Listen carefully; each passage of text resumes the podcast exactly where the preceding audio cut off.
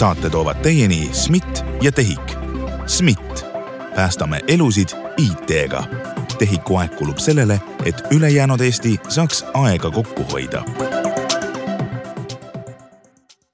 tere, head kriitilise intsidendi kuulajad, tänane saade tuleb hästi päevaga, nii et kui teil hakkas parasjagu saade podcast'i äpis mängima ja te mõtlesite, et vot täna vist ikka ei taha seda saadet kuulata, siis kuulake ikka, see on tõesti päevakajaline ja puudutab meie kõigi elusid.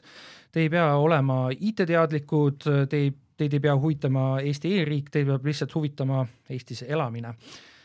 kuna teemaks on meil selline asi nagu suurejooneline õppus Grevex ja selle kulminatsioon toimub kahekümne kaheksandal ja kahekümne üheksandal septembril, ehk siis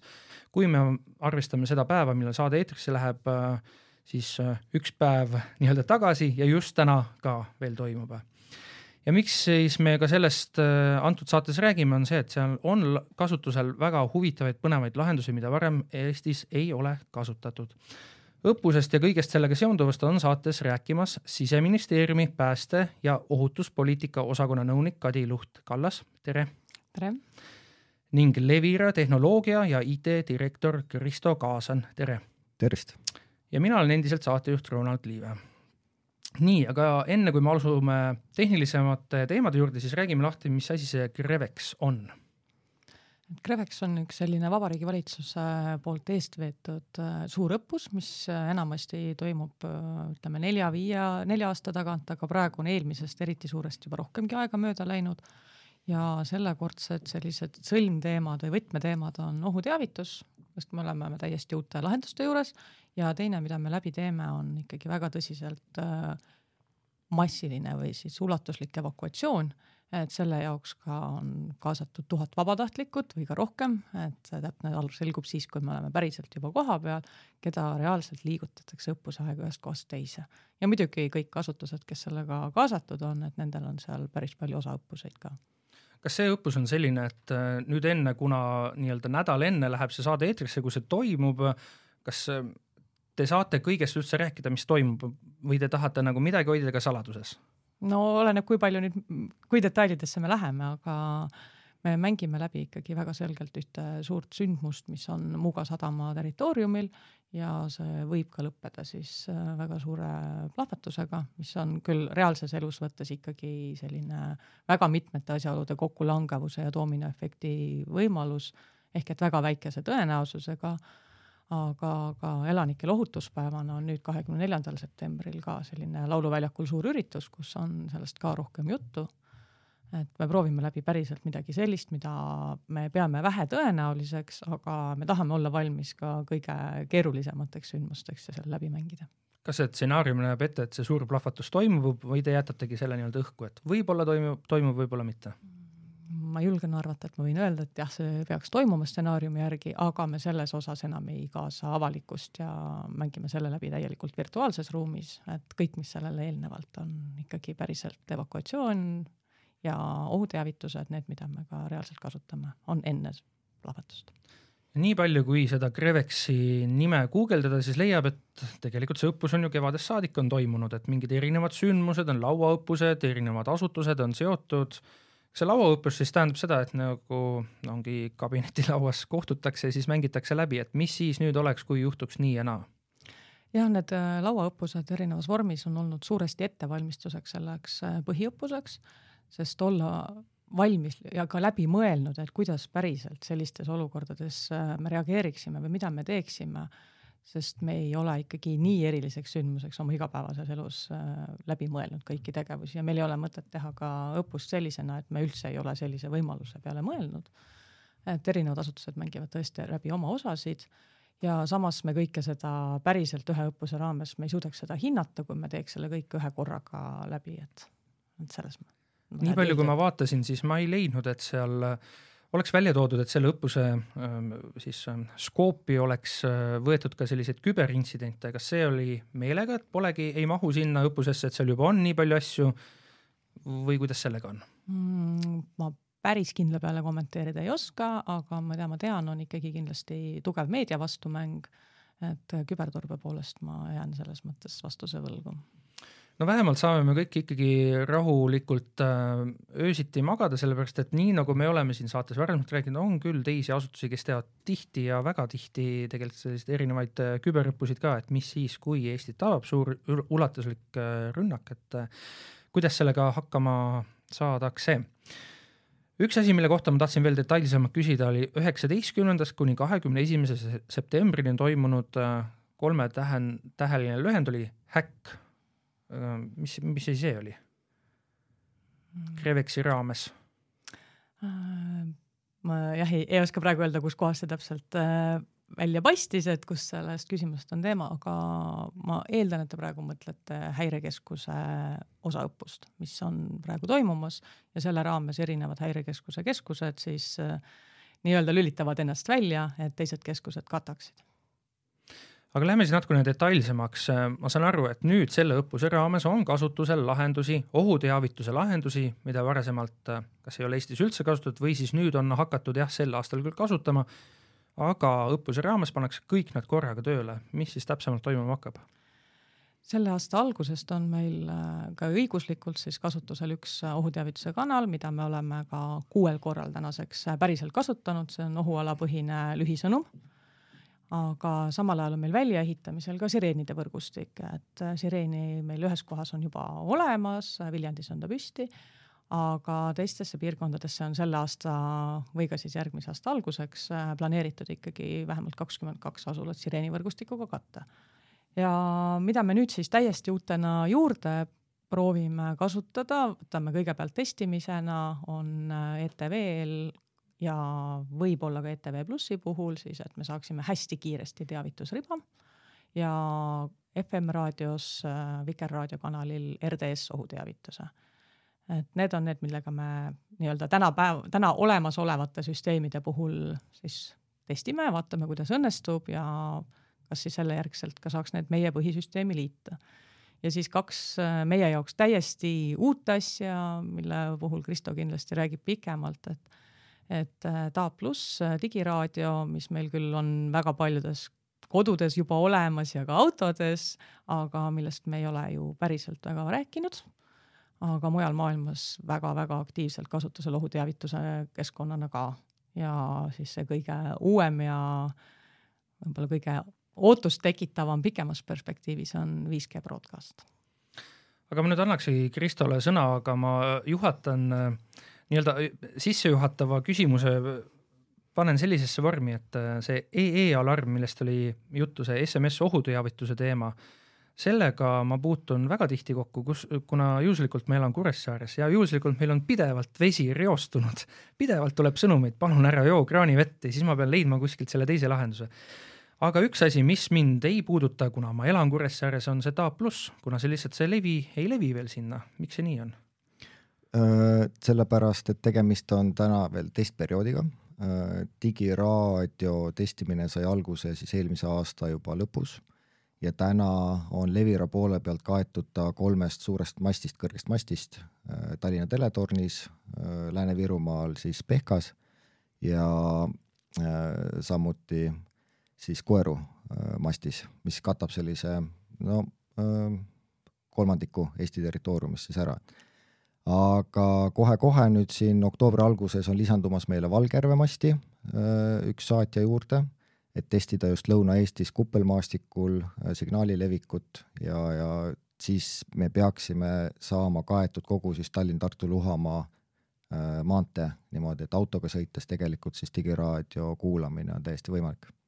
ja juhtumisi oligi, äh, nüüd kõik saatekuulajad saavad teada, et täna, kui meie seda saadet salvestame, on kahekümnes september, eile, kui mina linna sõitsin, olin küll vaadanud niimoodi, te olite nii-öelda välja reklaaminud, kell üheksateist kolmkümmend toimub DAB plussi testimine, siis. Vaatasin välja, et ega ma ei jõua tegelikult selleks ajaks levialasse aga mulle üllatuslikult ähm, tuli minu autoraadiosse kuskil üheksateist viiskümmend kaks, kui ma väga detailselt täpne olen, see teavitus ikkagi ära, kas siis läks midagi metsa, et see teavitus õigel ajal ei tulnud? metsa, ütleme, et läks midagi metsa, aga testimise eesmärk ongi see, et aru saada, kuidas süsteemid omavahel kokku töötavad. Ja, ja tegime tegelikult järjest seal kolm erinevat äh, katsetust ja tõesti, see viimane oli siis seal üheksateist viiekümne kanti. et kus kohas siis tuli ka juba funktsionaalsuse poolest mängu siis see, et, et lülitati sinu raadio siis sinna Vikerraadio programmi peale siis ümber eelnevalt lihtsalt jäi puudu seesama see programmi lülitus ja, aga see ohuteavitustekst Vikerraadio programmil oli siis kõikide katsetega olemas. Jah, Klassikaraadio siis oli see programm, millele siis lülitati, et, et täna Rahvusringhäälingu poolt on ta, on, osaleb siis tema siis testis seal Klassikaraadioga. aga selleks, et nüüd olla Crevexiks täiesti valmis, on meil plaan siin nüüd lähipäevadel korra veel läbi testida kogu ahel, et tõepoolest siis oleks see valmisolek olemas aga et kui võib-olla tehniliselt või üldse sellest digiraadio olemusest nagu veel rääkida, et siis digiraadio pakub täna kuulajatele lisaks siis kvaliteetsele helile ja tegelikult siis nendel suhteliselt palju lisavõimalusi, et üks ongi siis näiteks sellise ohuteavituse funktsionaalsus, kus kohas on võimalik siis saatjate ja mastide kaupa saata häirekeskuse poole pealt juba otse siis raadiotesse mingisugust lisainformatsiooni et äh, igapäevaselt, et te olete ka sõitnud autoga, näete, et seal on juba olemas kanali või programmi logod on olemas, sinna on vaja, võimalik on kuvada näiteks äh, laulusõnu või ka selliseid liikuvaid pilte. et, äh, et Duo raadio näiteks on üks, kes siis väga aktiivselt otsib neid just erinevalt äh, lisaväärtust sellele ja, ja testivad ka oma programmidel, et, et kuidas see kõik nagu välja paistab. aga kelle taga ta on sel selle DAB plussi kasutamise just see küberturvalisus, et keegi pahalane ei pääseks sinna ligi ja ei saaks seal ise mingit äh, väljamõeldud ohuteavitussõnumit edastada. kas see on Levira pärusmaa? Äh, kogu see ahel nüüd on koostöös siis äh, RIKS-iga, riigi, Eesti siis kommunikatsiooni riigi riigi infosüsteemi kommu-, kõigil läheb meil sassi sihtasutus. sihtasutus,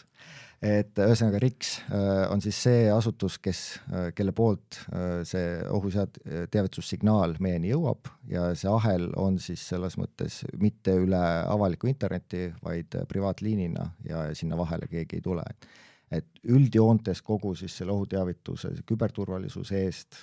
siis on riigil omad institutsioonid, kes, kes vastutavad ja, ja selle silma peal hoiavad nii et kuigi nii-öelda võhikule võib jääda mulje, et neid raadiojaamu on meil siin sadu ja tuhandeid, tegelikult vist küll natukene vähem, et siis see ei ole ikkagi niimoodi, et te peaks nende raadiojaamadega ühendust võtma ja kuidagi neile andma selle info edasi, et nüüd palun tehke, vaid ikkagi teised kanalid on selle jaoks. jah, täpselt aga see DA pluss jah, nagu ma ütlesin, panin puid alla teile, et õigel ajal, õigeks ajaks ei jõudnud, aga tead, peab tunnistama, et see oli küll võttis mind äh, nii-öelda tähelepanu kohe, ma, ma olin just sattunud Pärnu maanteele, kus on saja kümne ala ja ma mõtlesin, et oh, oh, ma saan nüüd Tallinna ja kõike seda ja siis tuli selline prr, prr, prr, mingine heli. Kuigi ma sain aru, et see heli ei olnud tegelikult vist see, mis sinna õppusraames oli pandud, see oli lihtsalt, et Klassikaraadios oli parasjagu mingi selline laul mängis, mis, mis äratas nagu kuulaja huvi ja siis noh, mina, minu loogika ütles seda, aga samas äh, ma tahtsin oma küsimusega jõuda sinna, et äh, vaadates suuri Hollywoodi filme, seal on, on nagu tuleb mingine heli ka, et kas selle põhiõppuse raames lisaks sellele sõnumile tuleb ka mingi heli? Äh, digiraadio poole pealt ei tule, ehk et seal siis jah, Klassikaraadiol nüüd ma täpselt seda stsenaariumit veel ei tea, et kas uudistetoimetus sel hetkel paneb, paneb mingi lisainfo veel juurde või mitte sinna aga lihtsalt jah, tuleb ekraanile siis teavitus ja, ja lülitatakse, vahet pole, kas te kuulate näiteks Äripäeva või, või kuulate seal Duo raadioid või, või, või teisi raadioid, et siis lülitatakse kõik digiraadiod sinna klassikaprogrammi peale ja, ja sealt siis see info edastatakse. aga üldises mõttes äh, tegelikult okei okay, jah, natukene hiljaks ette, aga kõik need tähed, äh, nagu ma nägin, siis äh, te vaatasite ära, kas, kas kõik täpitähed tulevad ilusti läbi, tulid läbi, see tähendab, edaspidi te arvestate sellega, et saab ilusti täpitähtedega sõnumit edastada? jaa, et testisime ära sõnumi pikkuse, milleks on siis äh, sada kakskümmend kaheksa tähemärki, mida on võimalik sinna ekraanile siis saata läbi selle ohuteavituskeskkonna ja kõik täpitähed ilusti, kõik õ-tähed, ööd, üüd olid äh, ekraani pealt loetavad. kas kuskil on pandud see loogikaga ka paika, et kui nüüd reaalses elus läheb seda vaja, et milline see sõnum on, et milline nii-öelda see sõnastus seal on, et kui, et kõik saaksid aru, et kui ma nüüd seda loen, et see on nüüd reaalne situatsioon, kus peab siis olema tähelepanelik? Me väga konkreetselt lepime kokku tegelikult äh, homme toimuval koolitusel, et äh, mis need kindlad kriteeriumid on, et SMS-iga me oleme selgelt kokku leppinud äh, põhikomponendid, et meil on alati teada, et mis oht on, mida teha, kes teavitab, kust leiab lisainformatsiooni ja kes on see seotud asutus, et kes teavitab et mis meil äh, praegu on ka täiesti kindel, on see, et äh, iga inimene saab alati kontrollida et kas ohuteavitus ükskõik millises kanalis on, kas see vastab tõele ja selleks on kriis.ee veebileht. ja kui ei saa veebi minna, siis saab seda teha üks, kaks, neli, seitse telefoninumbrilt. ja kui ei saa sinna helistada?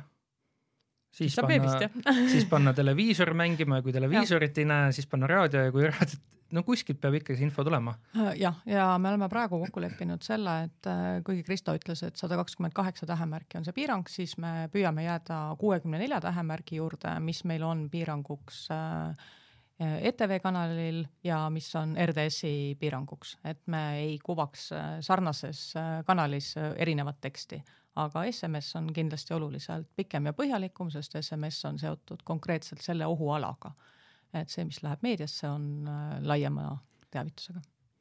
Ja et sa tõid selle raadioteema sisse, et ma võib-olla laiema pildi saamiseks korra täpsustan selle üle, et äh, Levirale on pandud äh, siis lisaülesandena või kri, kriisiülesandena hoida üleval Eestis siis kahte raadioprogrammi üle-eestiliselt ja, ja kahte televisiooniprogrammi ja see tähendab seda, et, et tänane siis äh, analoograadio, FM-raadio on ehitatud oma infrastruktuurilt äh, taristu poole pealt nii töökindlaks, et äh, kui ei ole näiteks internetiühendust või puudub üle Eesti elekter, siis meie mastides on olemas raadiosignaal nii Vikerraadio programmil kui ka Raadio neljal. ehk et seesama, et kui sa kuskilt infot ei saa, siis sa lähed autosse, lükkad oma autoraadio Vikerraadio peale ja, ja kui on tõesti kriis, siis sealt sa kuuled seda, et äh, mida sa pead tegema ja kuhu poole sa pead jooksma. Taap plussi puhul on see võimalus, et te saate, mm, nagu näide siit käis läbi ka, kuulan mis iganes raadiojaama ja mind lülitatakse automaatselt teisele raadiojaamale, kus siis seda ohuteavitust edastatakse. kas FM raadio puhul on ka selline võimalus? kahjuks FM raadio puhul jah, seda võimalust ei ole, et FM raadio puhul äh, me saame tagada selle, et see RDS teavitus, mis nüüd tuleb samamoodi siis Rahvusringhäälingu poole pealt ja mis on selle kuuekümne nelja tähemärgi siis pikkune, et see siis kuvatakse sinu siis äh, raadioseadmes see lühend RDS tähendabki seda nii-öelda mm, tekstili sõnumit siis? jaa, see, kus sa täna näed siis, mis äh, raadio sul mängib, mis lugu sul on eetris või mis äh, saade on hetkel siis äh, kuulatav kui palju, tähendab, see on siis sõnum kõigile eestlastele, et hankige endale koju raadio, mis oleks vähemalt siis FM raadio kindel või siis seda pluss, need A pluss, ma saan aru, et koduraadiod on ka nagu suutelised seda vastu võtma, jah? jaa, et äh, täna juba poelettidelt leiab päris äh, laia valikut, hinnaklassid on tõesti nii nagu FM raadiotegi puhul seal alates äh, kolme-neljakümnest eurost, lõpetades juba sadade eurodega, et vastavalt siis kvaliteedile, mida keegi tahab enda kodus kuulata ja alates äh, kaks tuhat kakskümmend aasta detsembrist on ka kõikides Euroopa Liidus müüdavatel autodel kohustuslik äh, digiraadio vastuvõtt. ehk et noh, kui äh, siis digiraadio tulevikust nüüd üldse paari sõnaga rääkida, siis täna TTJA poole pealt on käimas avalik konsultatsioon kus kohas kõikide turuosaliste ja seatud asutuste käest küsitakse siis tagasisidet nüüd sellele testile, mis meil siin aasta aega peaaegu on nüüd käinud. Ja sealt tuleb siis tõest-, tõenäoliselt aasta lõpus mingisugune otsus, et kuidas digiraadioga Eestis üldse edasi minnakse, et et see, mis meil praegu eetris on, et see on test ja, ja et millal nüüd reaalne ja siis äh, päris programm hakkab, äh, hakkab tulema ja üle, ja üle-eestiline signaal hakkab levima, et see siis selgub tõesti aasta, aasta lõpuks. see SMS-põhine ohuala teavitus siis EE alarm, kuna see ongi asukohapõhine, siis loogika ütleb seda, et seda kasutatakse aktiivsemalt, kui meil praegu jutuks olnud, on ta siis FM raadio või DAB plussi kaudu edastatavad sõnumid, kas see loogika peab paika? Jah, kindlasti, et äh, meedia automaatseks teavituseks või siis väga kiireks ohuteavituseks meediakanalite vahendusel me ikkagi näeme ainult selliseid olukordi, kus tõesti oleks ta teistele kõigile oluline ja vajalik. ja mis ta meile annab, on lihtsalt see, et me võidame ajas, sest äh, muul juhul me peaksime hakkama ajakirjanikega kokku leppima, et meil nüüd on vaja kiiresti mingi tekst kuskil ette lugeda, minna stuudiosse ja alustada kogu seda esitlemist aga kui me saame seda teha sellisel tekstilisel kujul ja võimalikult lühikeste ahelatega, siis me saame seda teha tegelikult ülimalt kiiresti. ja see ongi ka meie siis selline õppuse üks, üks eesmärk ohuteavituse vaates, et kui kiiresti meil õnnestub neid teavitusi edastada. aga need on elulises mõttes kindlasti väga üksikud sündmused, mis sellist lähenemist vajaksid. kas õppuse käigus kui nüüd seda raadiotelel taaskord edastatakse, sõnumit on see nii-öelda ükskord tehakse ära, nii on, aga päriselus, kui on nagu õige situatsioon, mis vajabki seda teavitust, siis on, pannakse paika näiteks, et äh, kord viieteist minuti jooksul tuleb see teavitus ta jääb äh, praeguses testis tõenäoliselt ka nii, nagu on tavapäraselt äh, plaanis teda kasutada. et testime läbi samasuguse olukorra, nagu ta oleks reaalses elus, lihtsalt see tekst on siis selline, et ta viitaks selgelt kas siis õppusele või testimisele ja tavapärases olukorras siis on kord viisteist minutit poole tunni, tunni aja jooksul mm,? proovime selle praegu läbi, praegu me võtame eesmärgiks testida, et viieteist minuti jooksul kolm korda toimub selline kas siis ümberlülitus või siis teksti edastamine. mulle tuli uudisena, et sireen on paigaldatud, ähm, jah, Muuga sadam oli üks, mis käis meediast juba üks hetk läbi, et seal oli mm,? seal on, äh, ütleme nii, et päris täielikult ei ole seal veel üles ehitatud sest äh, kogu see protseduur võtab aega, aga Muuga sadama puhul muidugi on ka see, et ohtlikel ja suurõnnetusohuga ettevõtetel on võimalus neid ka iseseisvalt ja varasemalt paigaldada, et meil sireene tegelikult nendes ettevõtetes on juba praegu päris paljudes olemas, aga selle õppuse kontekstis me räägime siis üleriigilisest riiklikust sireenivõrgustikust ja selle jaoks jah, Muuga sadama ala me katame ära. ja siis Viljandi on ka praegu kaetud, aga ülejäänud Eesti ei ole kaetud hetkel veel mitte jah, aga selle nimel tehakse tööd. aga kuidas see sireenide aktiveerimise loogika on, kas seal on äh, nii-öelda, keegi peab arvuti taha istuma kuskil, äh, sihestab äh, nii-öelda klaviatuuri hiirega midagi sisse, et ütleb, et nii, nüüd on vaja see sireen aktiveerida või see loogika on kuidagi teistsugune? sireenid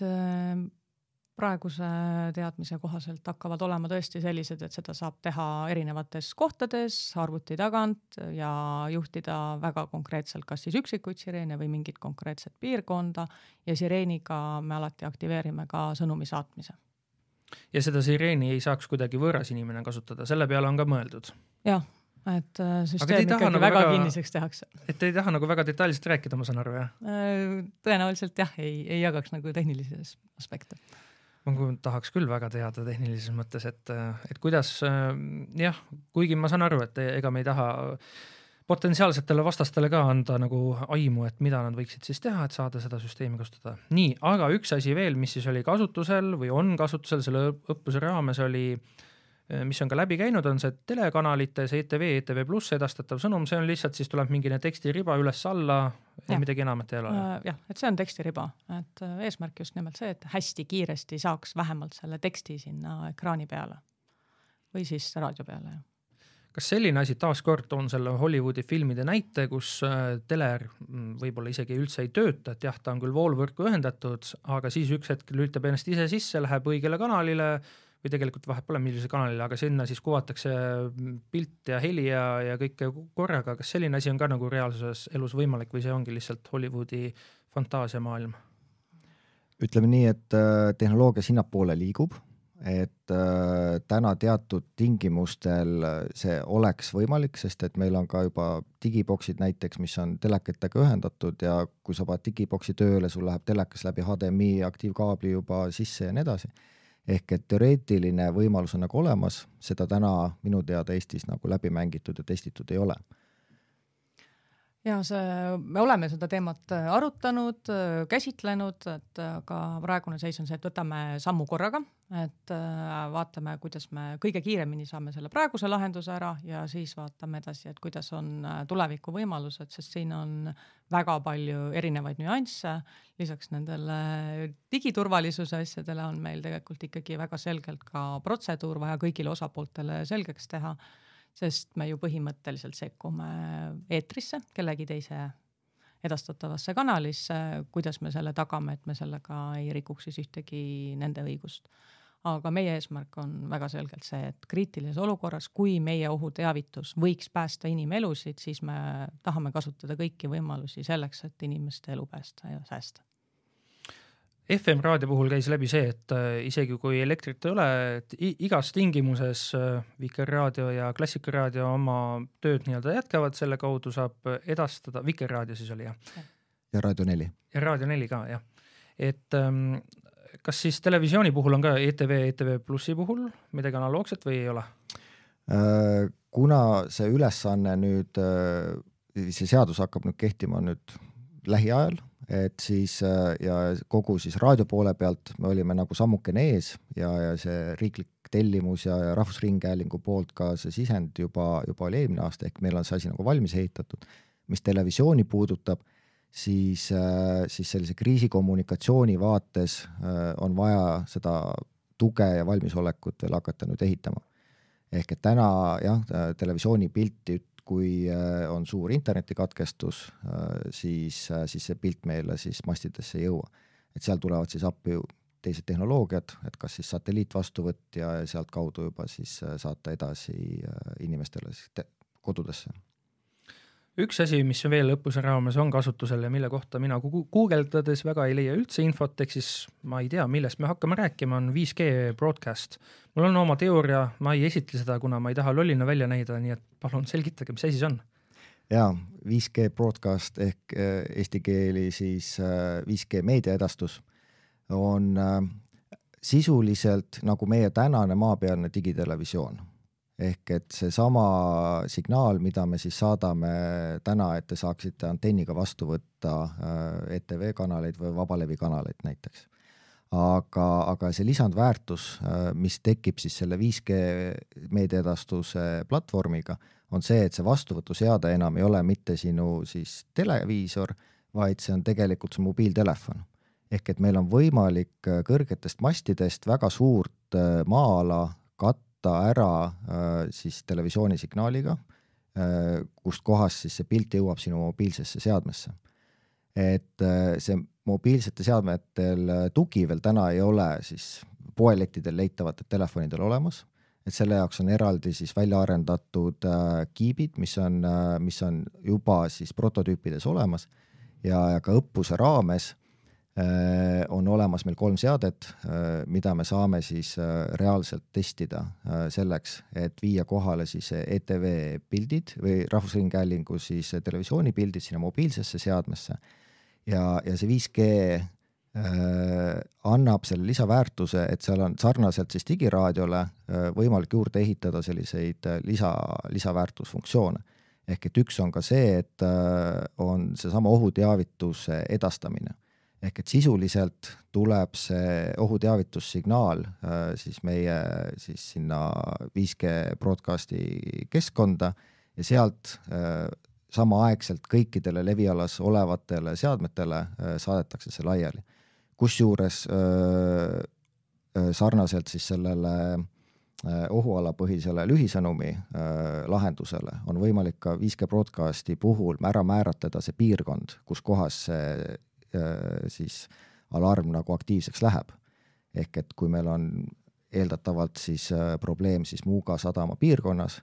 ja, ja siis juba häirekeskuse poole pealt on äh, ära siis määratud ohuala, siis selles täpselt selles samas ohualas siis need seadmed, kes seal on, saavad selle sõnumi kätte. ja sisuliselt see vahe, mis siis nagu tavatelefonidel või ütleme, mobiilioperaatorite ja siis selle 5G broadcast'i vahel on, on see, et et meil on võimalus äh, just hästi äh, suurtel võimsustel ja kõrgelt see signaal kaugele äh, saata. et sisuliselt, kui Tallinna teletornis see signaal läheks eetrisse, siis tekiks selline kaheksakümne kilomeetri suurune raadius, kus ühest saatejaamast on võimalik siis seda teavitust saata. Et mobiilimastid on teadagi sellised kuuekümne, kaheksakümne meetri kõrgused ja, ja neid on vaja hästi palju selleks, et katta siis mingisugust piirkonda ära aga kui see mobiilimastides näiteks peaks elekter ära kaduma või andmesidega midagi juhtuma, siis needsamad jaamad, mis meil on varustatud juba generaatoritega ja, ja varulahendustega, siis need saavad saata seda signaali edasi. aga tegemist on tulevikutehnoloogiaga, täna on meil äh, saadud siis äh, laenuks Rode Schwarzi poolt äh, üks testsaatja pluss samamoodi need kolm siis vastuvõtuseadet, aga aga on näha, et tulevikus tal on potentsiaali edasi areneda, siin kasutusjuhte on väga palju, mida maailmas testitakse, et me ei ole siin kohas eesrinnas, me oleme küll sellest tehnoloogiast rääkinud juba, ma arvan, kolm aastat või neli aastat, aga, aga seekord isegi soomlased jõudsid meist ette ja, ja nendel oli see lahendus juba eelmine aasta üleval, nii et aga testime ära, teeme õppusest omad järeldused ja siis saame edasi liikuda, et kuidas ja, ja, ja kas seda tehnoloogiat Eestis arendama hakata. Aga kuna see eeldab, et ka sinu seadmes, mis seda vastu võtaks, oleks see konkreetne kiip, siis see tähendab, et isegi kui soomlased on nii-öelda mõnevõrra ees, siis ega neil soomlastel, tavalistel inimestel tänaval ei ole ju taskus telefone, mis oleksid suutelised seda vastu võtma. ehk siis me veel jõuame järgi ja,. jah, jah, jõuame. nii nagu korra käis nagu läbi et Taap plussi puhul vähemalt minu näide oli see, et ma üldse ei kuulanud autoraadiot, ma kuulasin mingi Spotify'st mingi muusika mängis ja mul tuligi lihtsalt äh, hakkas, ise hakkas auto mängima seda raadiot, siis selle 5G broadcast'i puhul ma saan aru, et loogika on nagu sama. et sa teed ükstapuha, mida sa selle seadmega, ütleme, et see on telefon, siis tulevikus teed, et sulle ikkagi tuleb siis see teavitus sinna kohale jah, täpselt nii on ja isegi olenemata sellest, kas sinu telefonis on sees operaatori SIM-kaart või mitte, sest kogu see lahendus töötab ilma SIM-kaardita hoopis teisel siis äh, tasemel.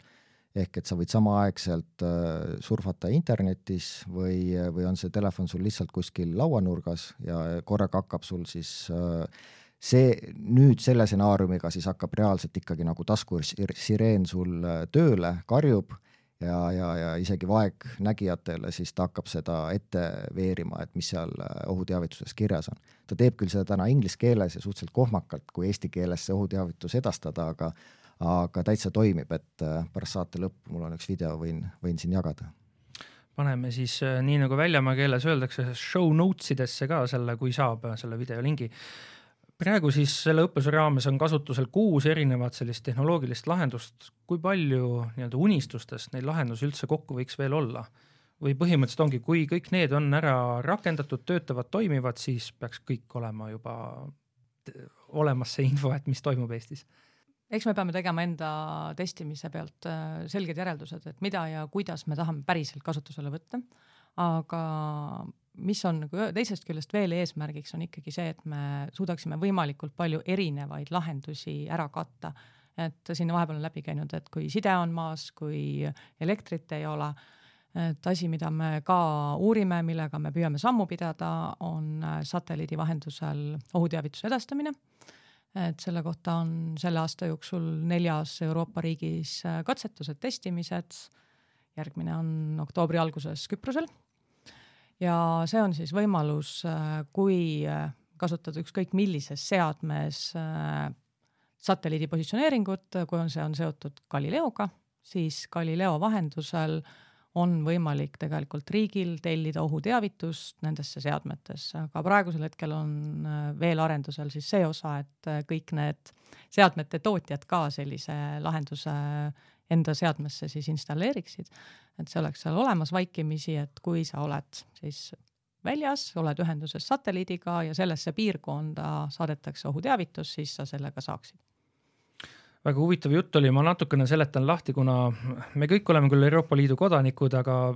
paljudele võib tulla uudisena, mis asi see Galileo on, aga sisuliselt ütleme lihtsustatult seesama GPS, mis teil telefonis on, lihtsalt eurooplaste versioon sellest, kui sul on taskus kõige uuem telefon, siis äh, sellel on see tugi olemas, nii et sa ei pea muretsema, et sa peaksid jälle midagi uut endale ostma.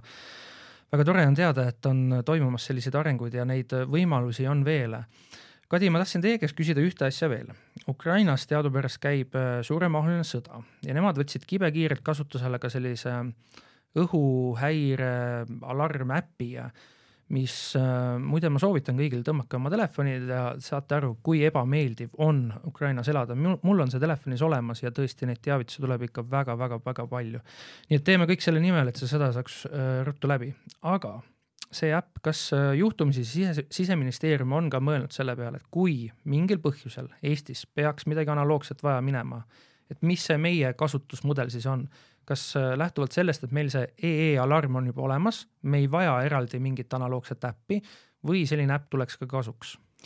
Äh, tegelikult meil on üks äpp juba olemas, Ole valmis äpp, mille osas on küll esialgne arendaja Naiskodukaitse ja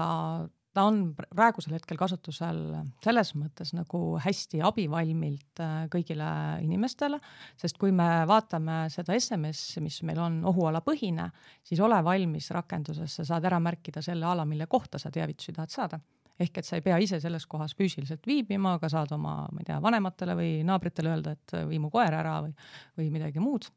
et äh, me püüame kõik selle oma süsteemi arenduses ikkagi arvestada, et me saame sedasama Ole valmis äppi kasutada ja seda ka arendatakse lähiajal kindlasti selles valguses, et ka see oleks asukohapõhine, oleks seotud sellega, kus ma füüsiliselt äh, asun ja vastavalt siis arendustele ka tegelikult sedasama õhuhäire funktsionaalsust sellele võimaldada. ja äppides teine, kus meil on olnud ka juttu, kus me tahaks ohuteavitust kasutada on äh, siis M-riik või siis mobiilse riigi äpp, et äh, milleks teha veel erinevaid äppe juurde. et pigem see, et mis meil on sellised rakendused, mida inimene võiks kasutada, siis me nendes oleksime päriselt olemas et me oleksime väga tänulikud, kui inimesed annavad meie süsteemi testimisele ka tagasisidet, et kindlasti me saadame lingi, kuskohast saab tagasisidet anda neile, kes saavad meie käest SMS äh, teavituse, aga samal ajal me lisame ka selle ligipääsulingi äh, kriis.ee veebilehele ja mida me kindlasti ootame, on see, et kes kuulevad sireeni, annaksid teada, vastates küsimustele, kui hästi nad kuulsid ja mis emotsioonid neil tekkisid, samamoodi SMS-iga ja kes siis ei sattunud seal piirkonnas viibima, nemad saavad lisada oma asukoha ja juurde ka pilte, et eriti tänulikud oleksime, kui lisada juurde pilte sellest, et kuidas teie seade kuvas siis näiteks seda taapteavitust, RDS-i et mis on siis see vaade, mis päriselt inimesele jõuab, sest me juba eile õhtul saime aru, et äh, see on niivõrd erinev, kuidas mingisugused seadmed äh, käituvad ja mida nad näitavad, et ootame põnevusega kõigi tagasisidet. Nii, aga meeldetuletuseks siis saate lõpuks, et Grevexi õppus ähm, kahekümne kaheksas, kahekümne üheksas september toimub selline äh, suurem osa sellest, nii et kui te asute Muuga sadama läheduses, ümbruses, siis ei tasu paanitseda, kui te näete hästi palju inimesi seal ümbruses või kui teile autoraadio, koduraadio hakkab mängima klassikaraadiot, mm, siis kui te ise ei soovinud kuulata parasjagu klassikaraadiot või soovisite näiteks tund aega hiljem seda kuulata. et paanikaks ei ole põhjust, nii et äh, väga hea, et me mõtleme selle peale, et kui olukord võib minna kehvemaks aegadel, kui olukord veel ei ole kehvad. head kuulajad, just tänu sellele tööle, mida teevad meie tänase saate külalised Kadi Luht-Kallas ja Kristo Kaasan, saamegi meie öösiti rahulikumalt magada. suured tänud teile, jõudu-jaksu teie töös. jah, ma tänan teid südamest ja mina olen saatejuht Ronald Liive ja kohtun teiega, head kuulajad, juba uuel nädalal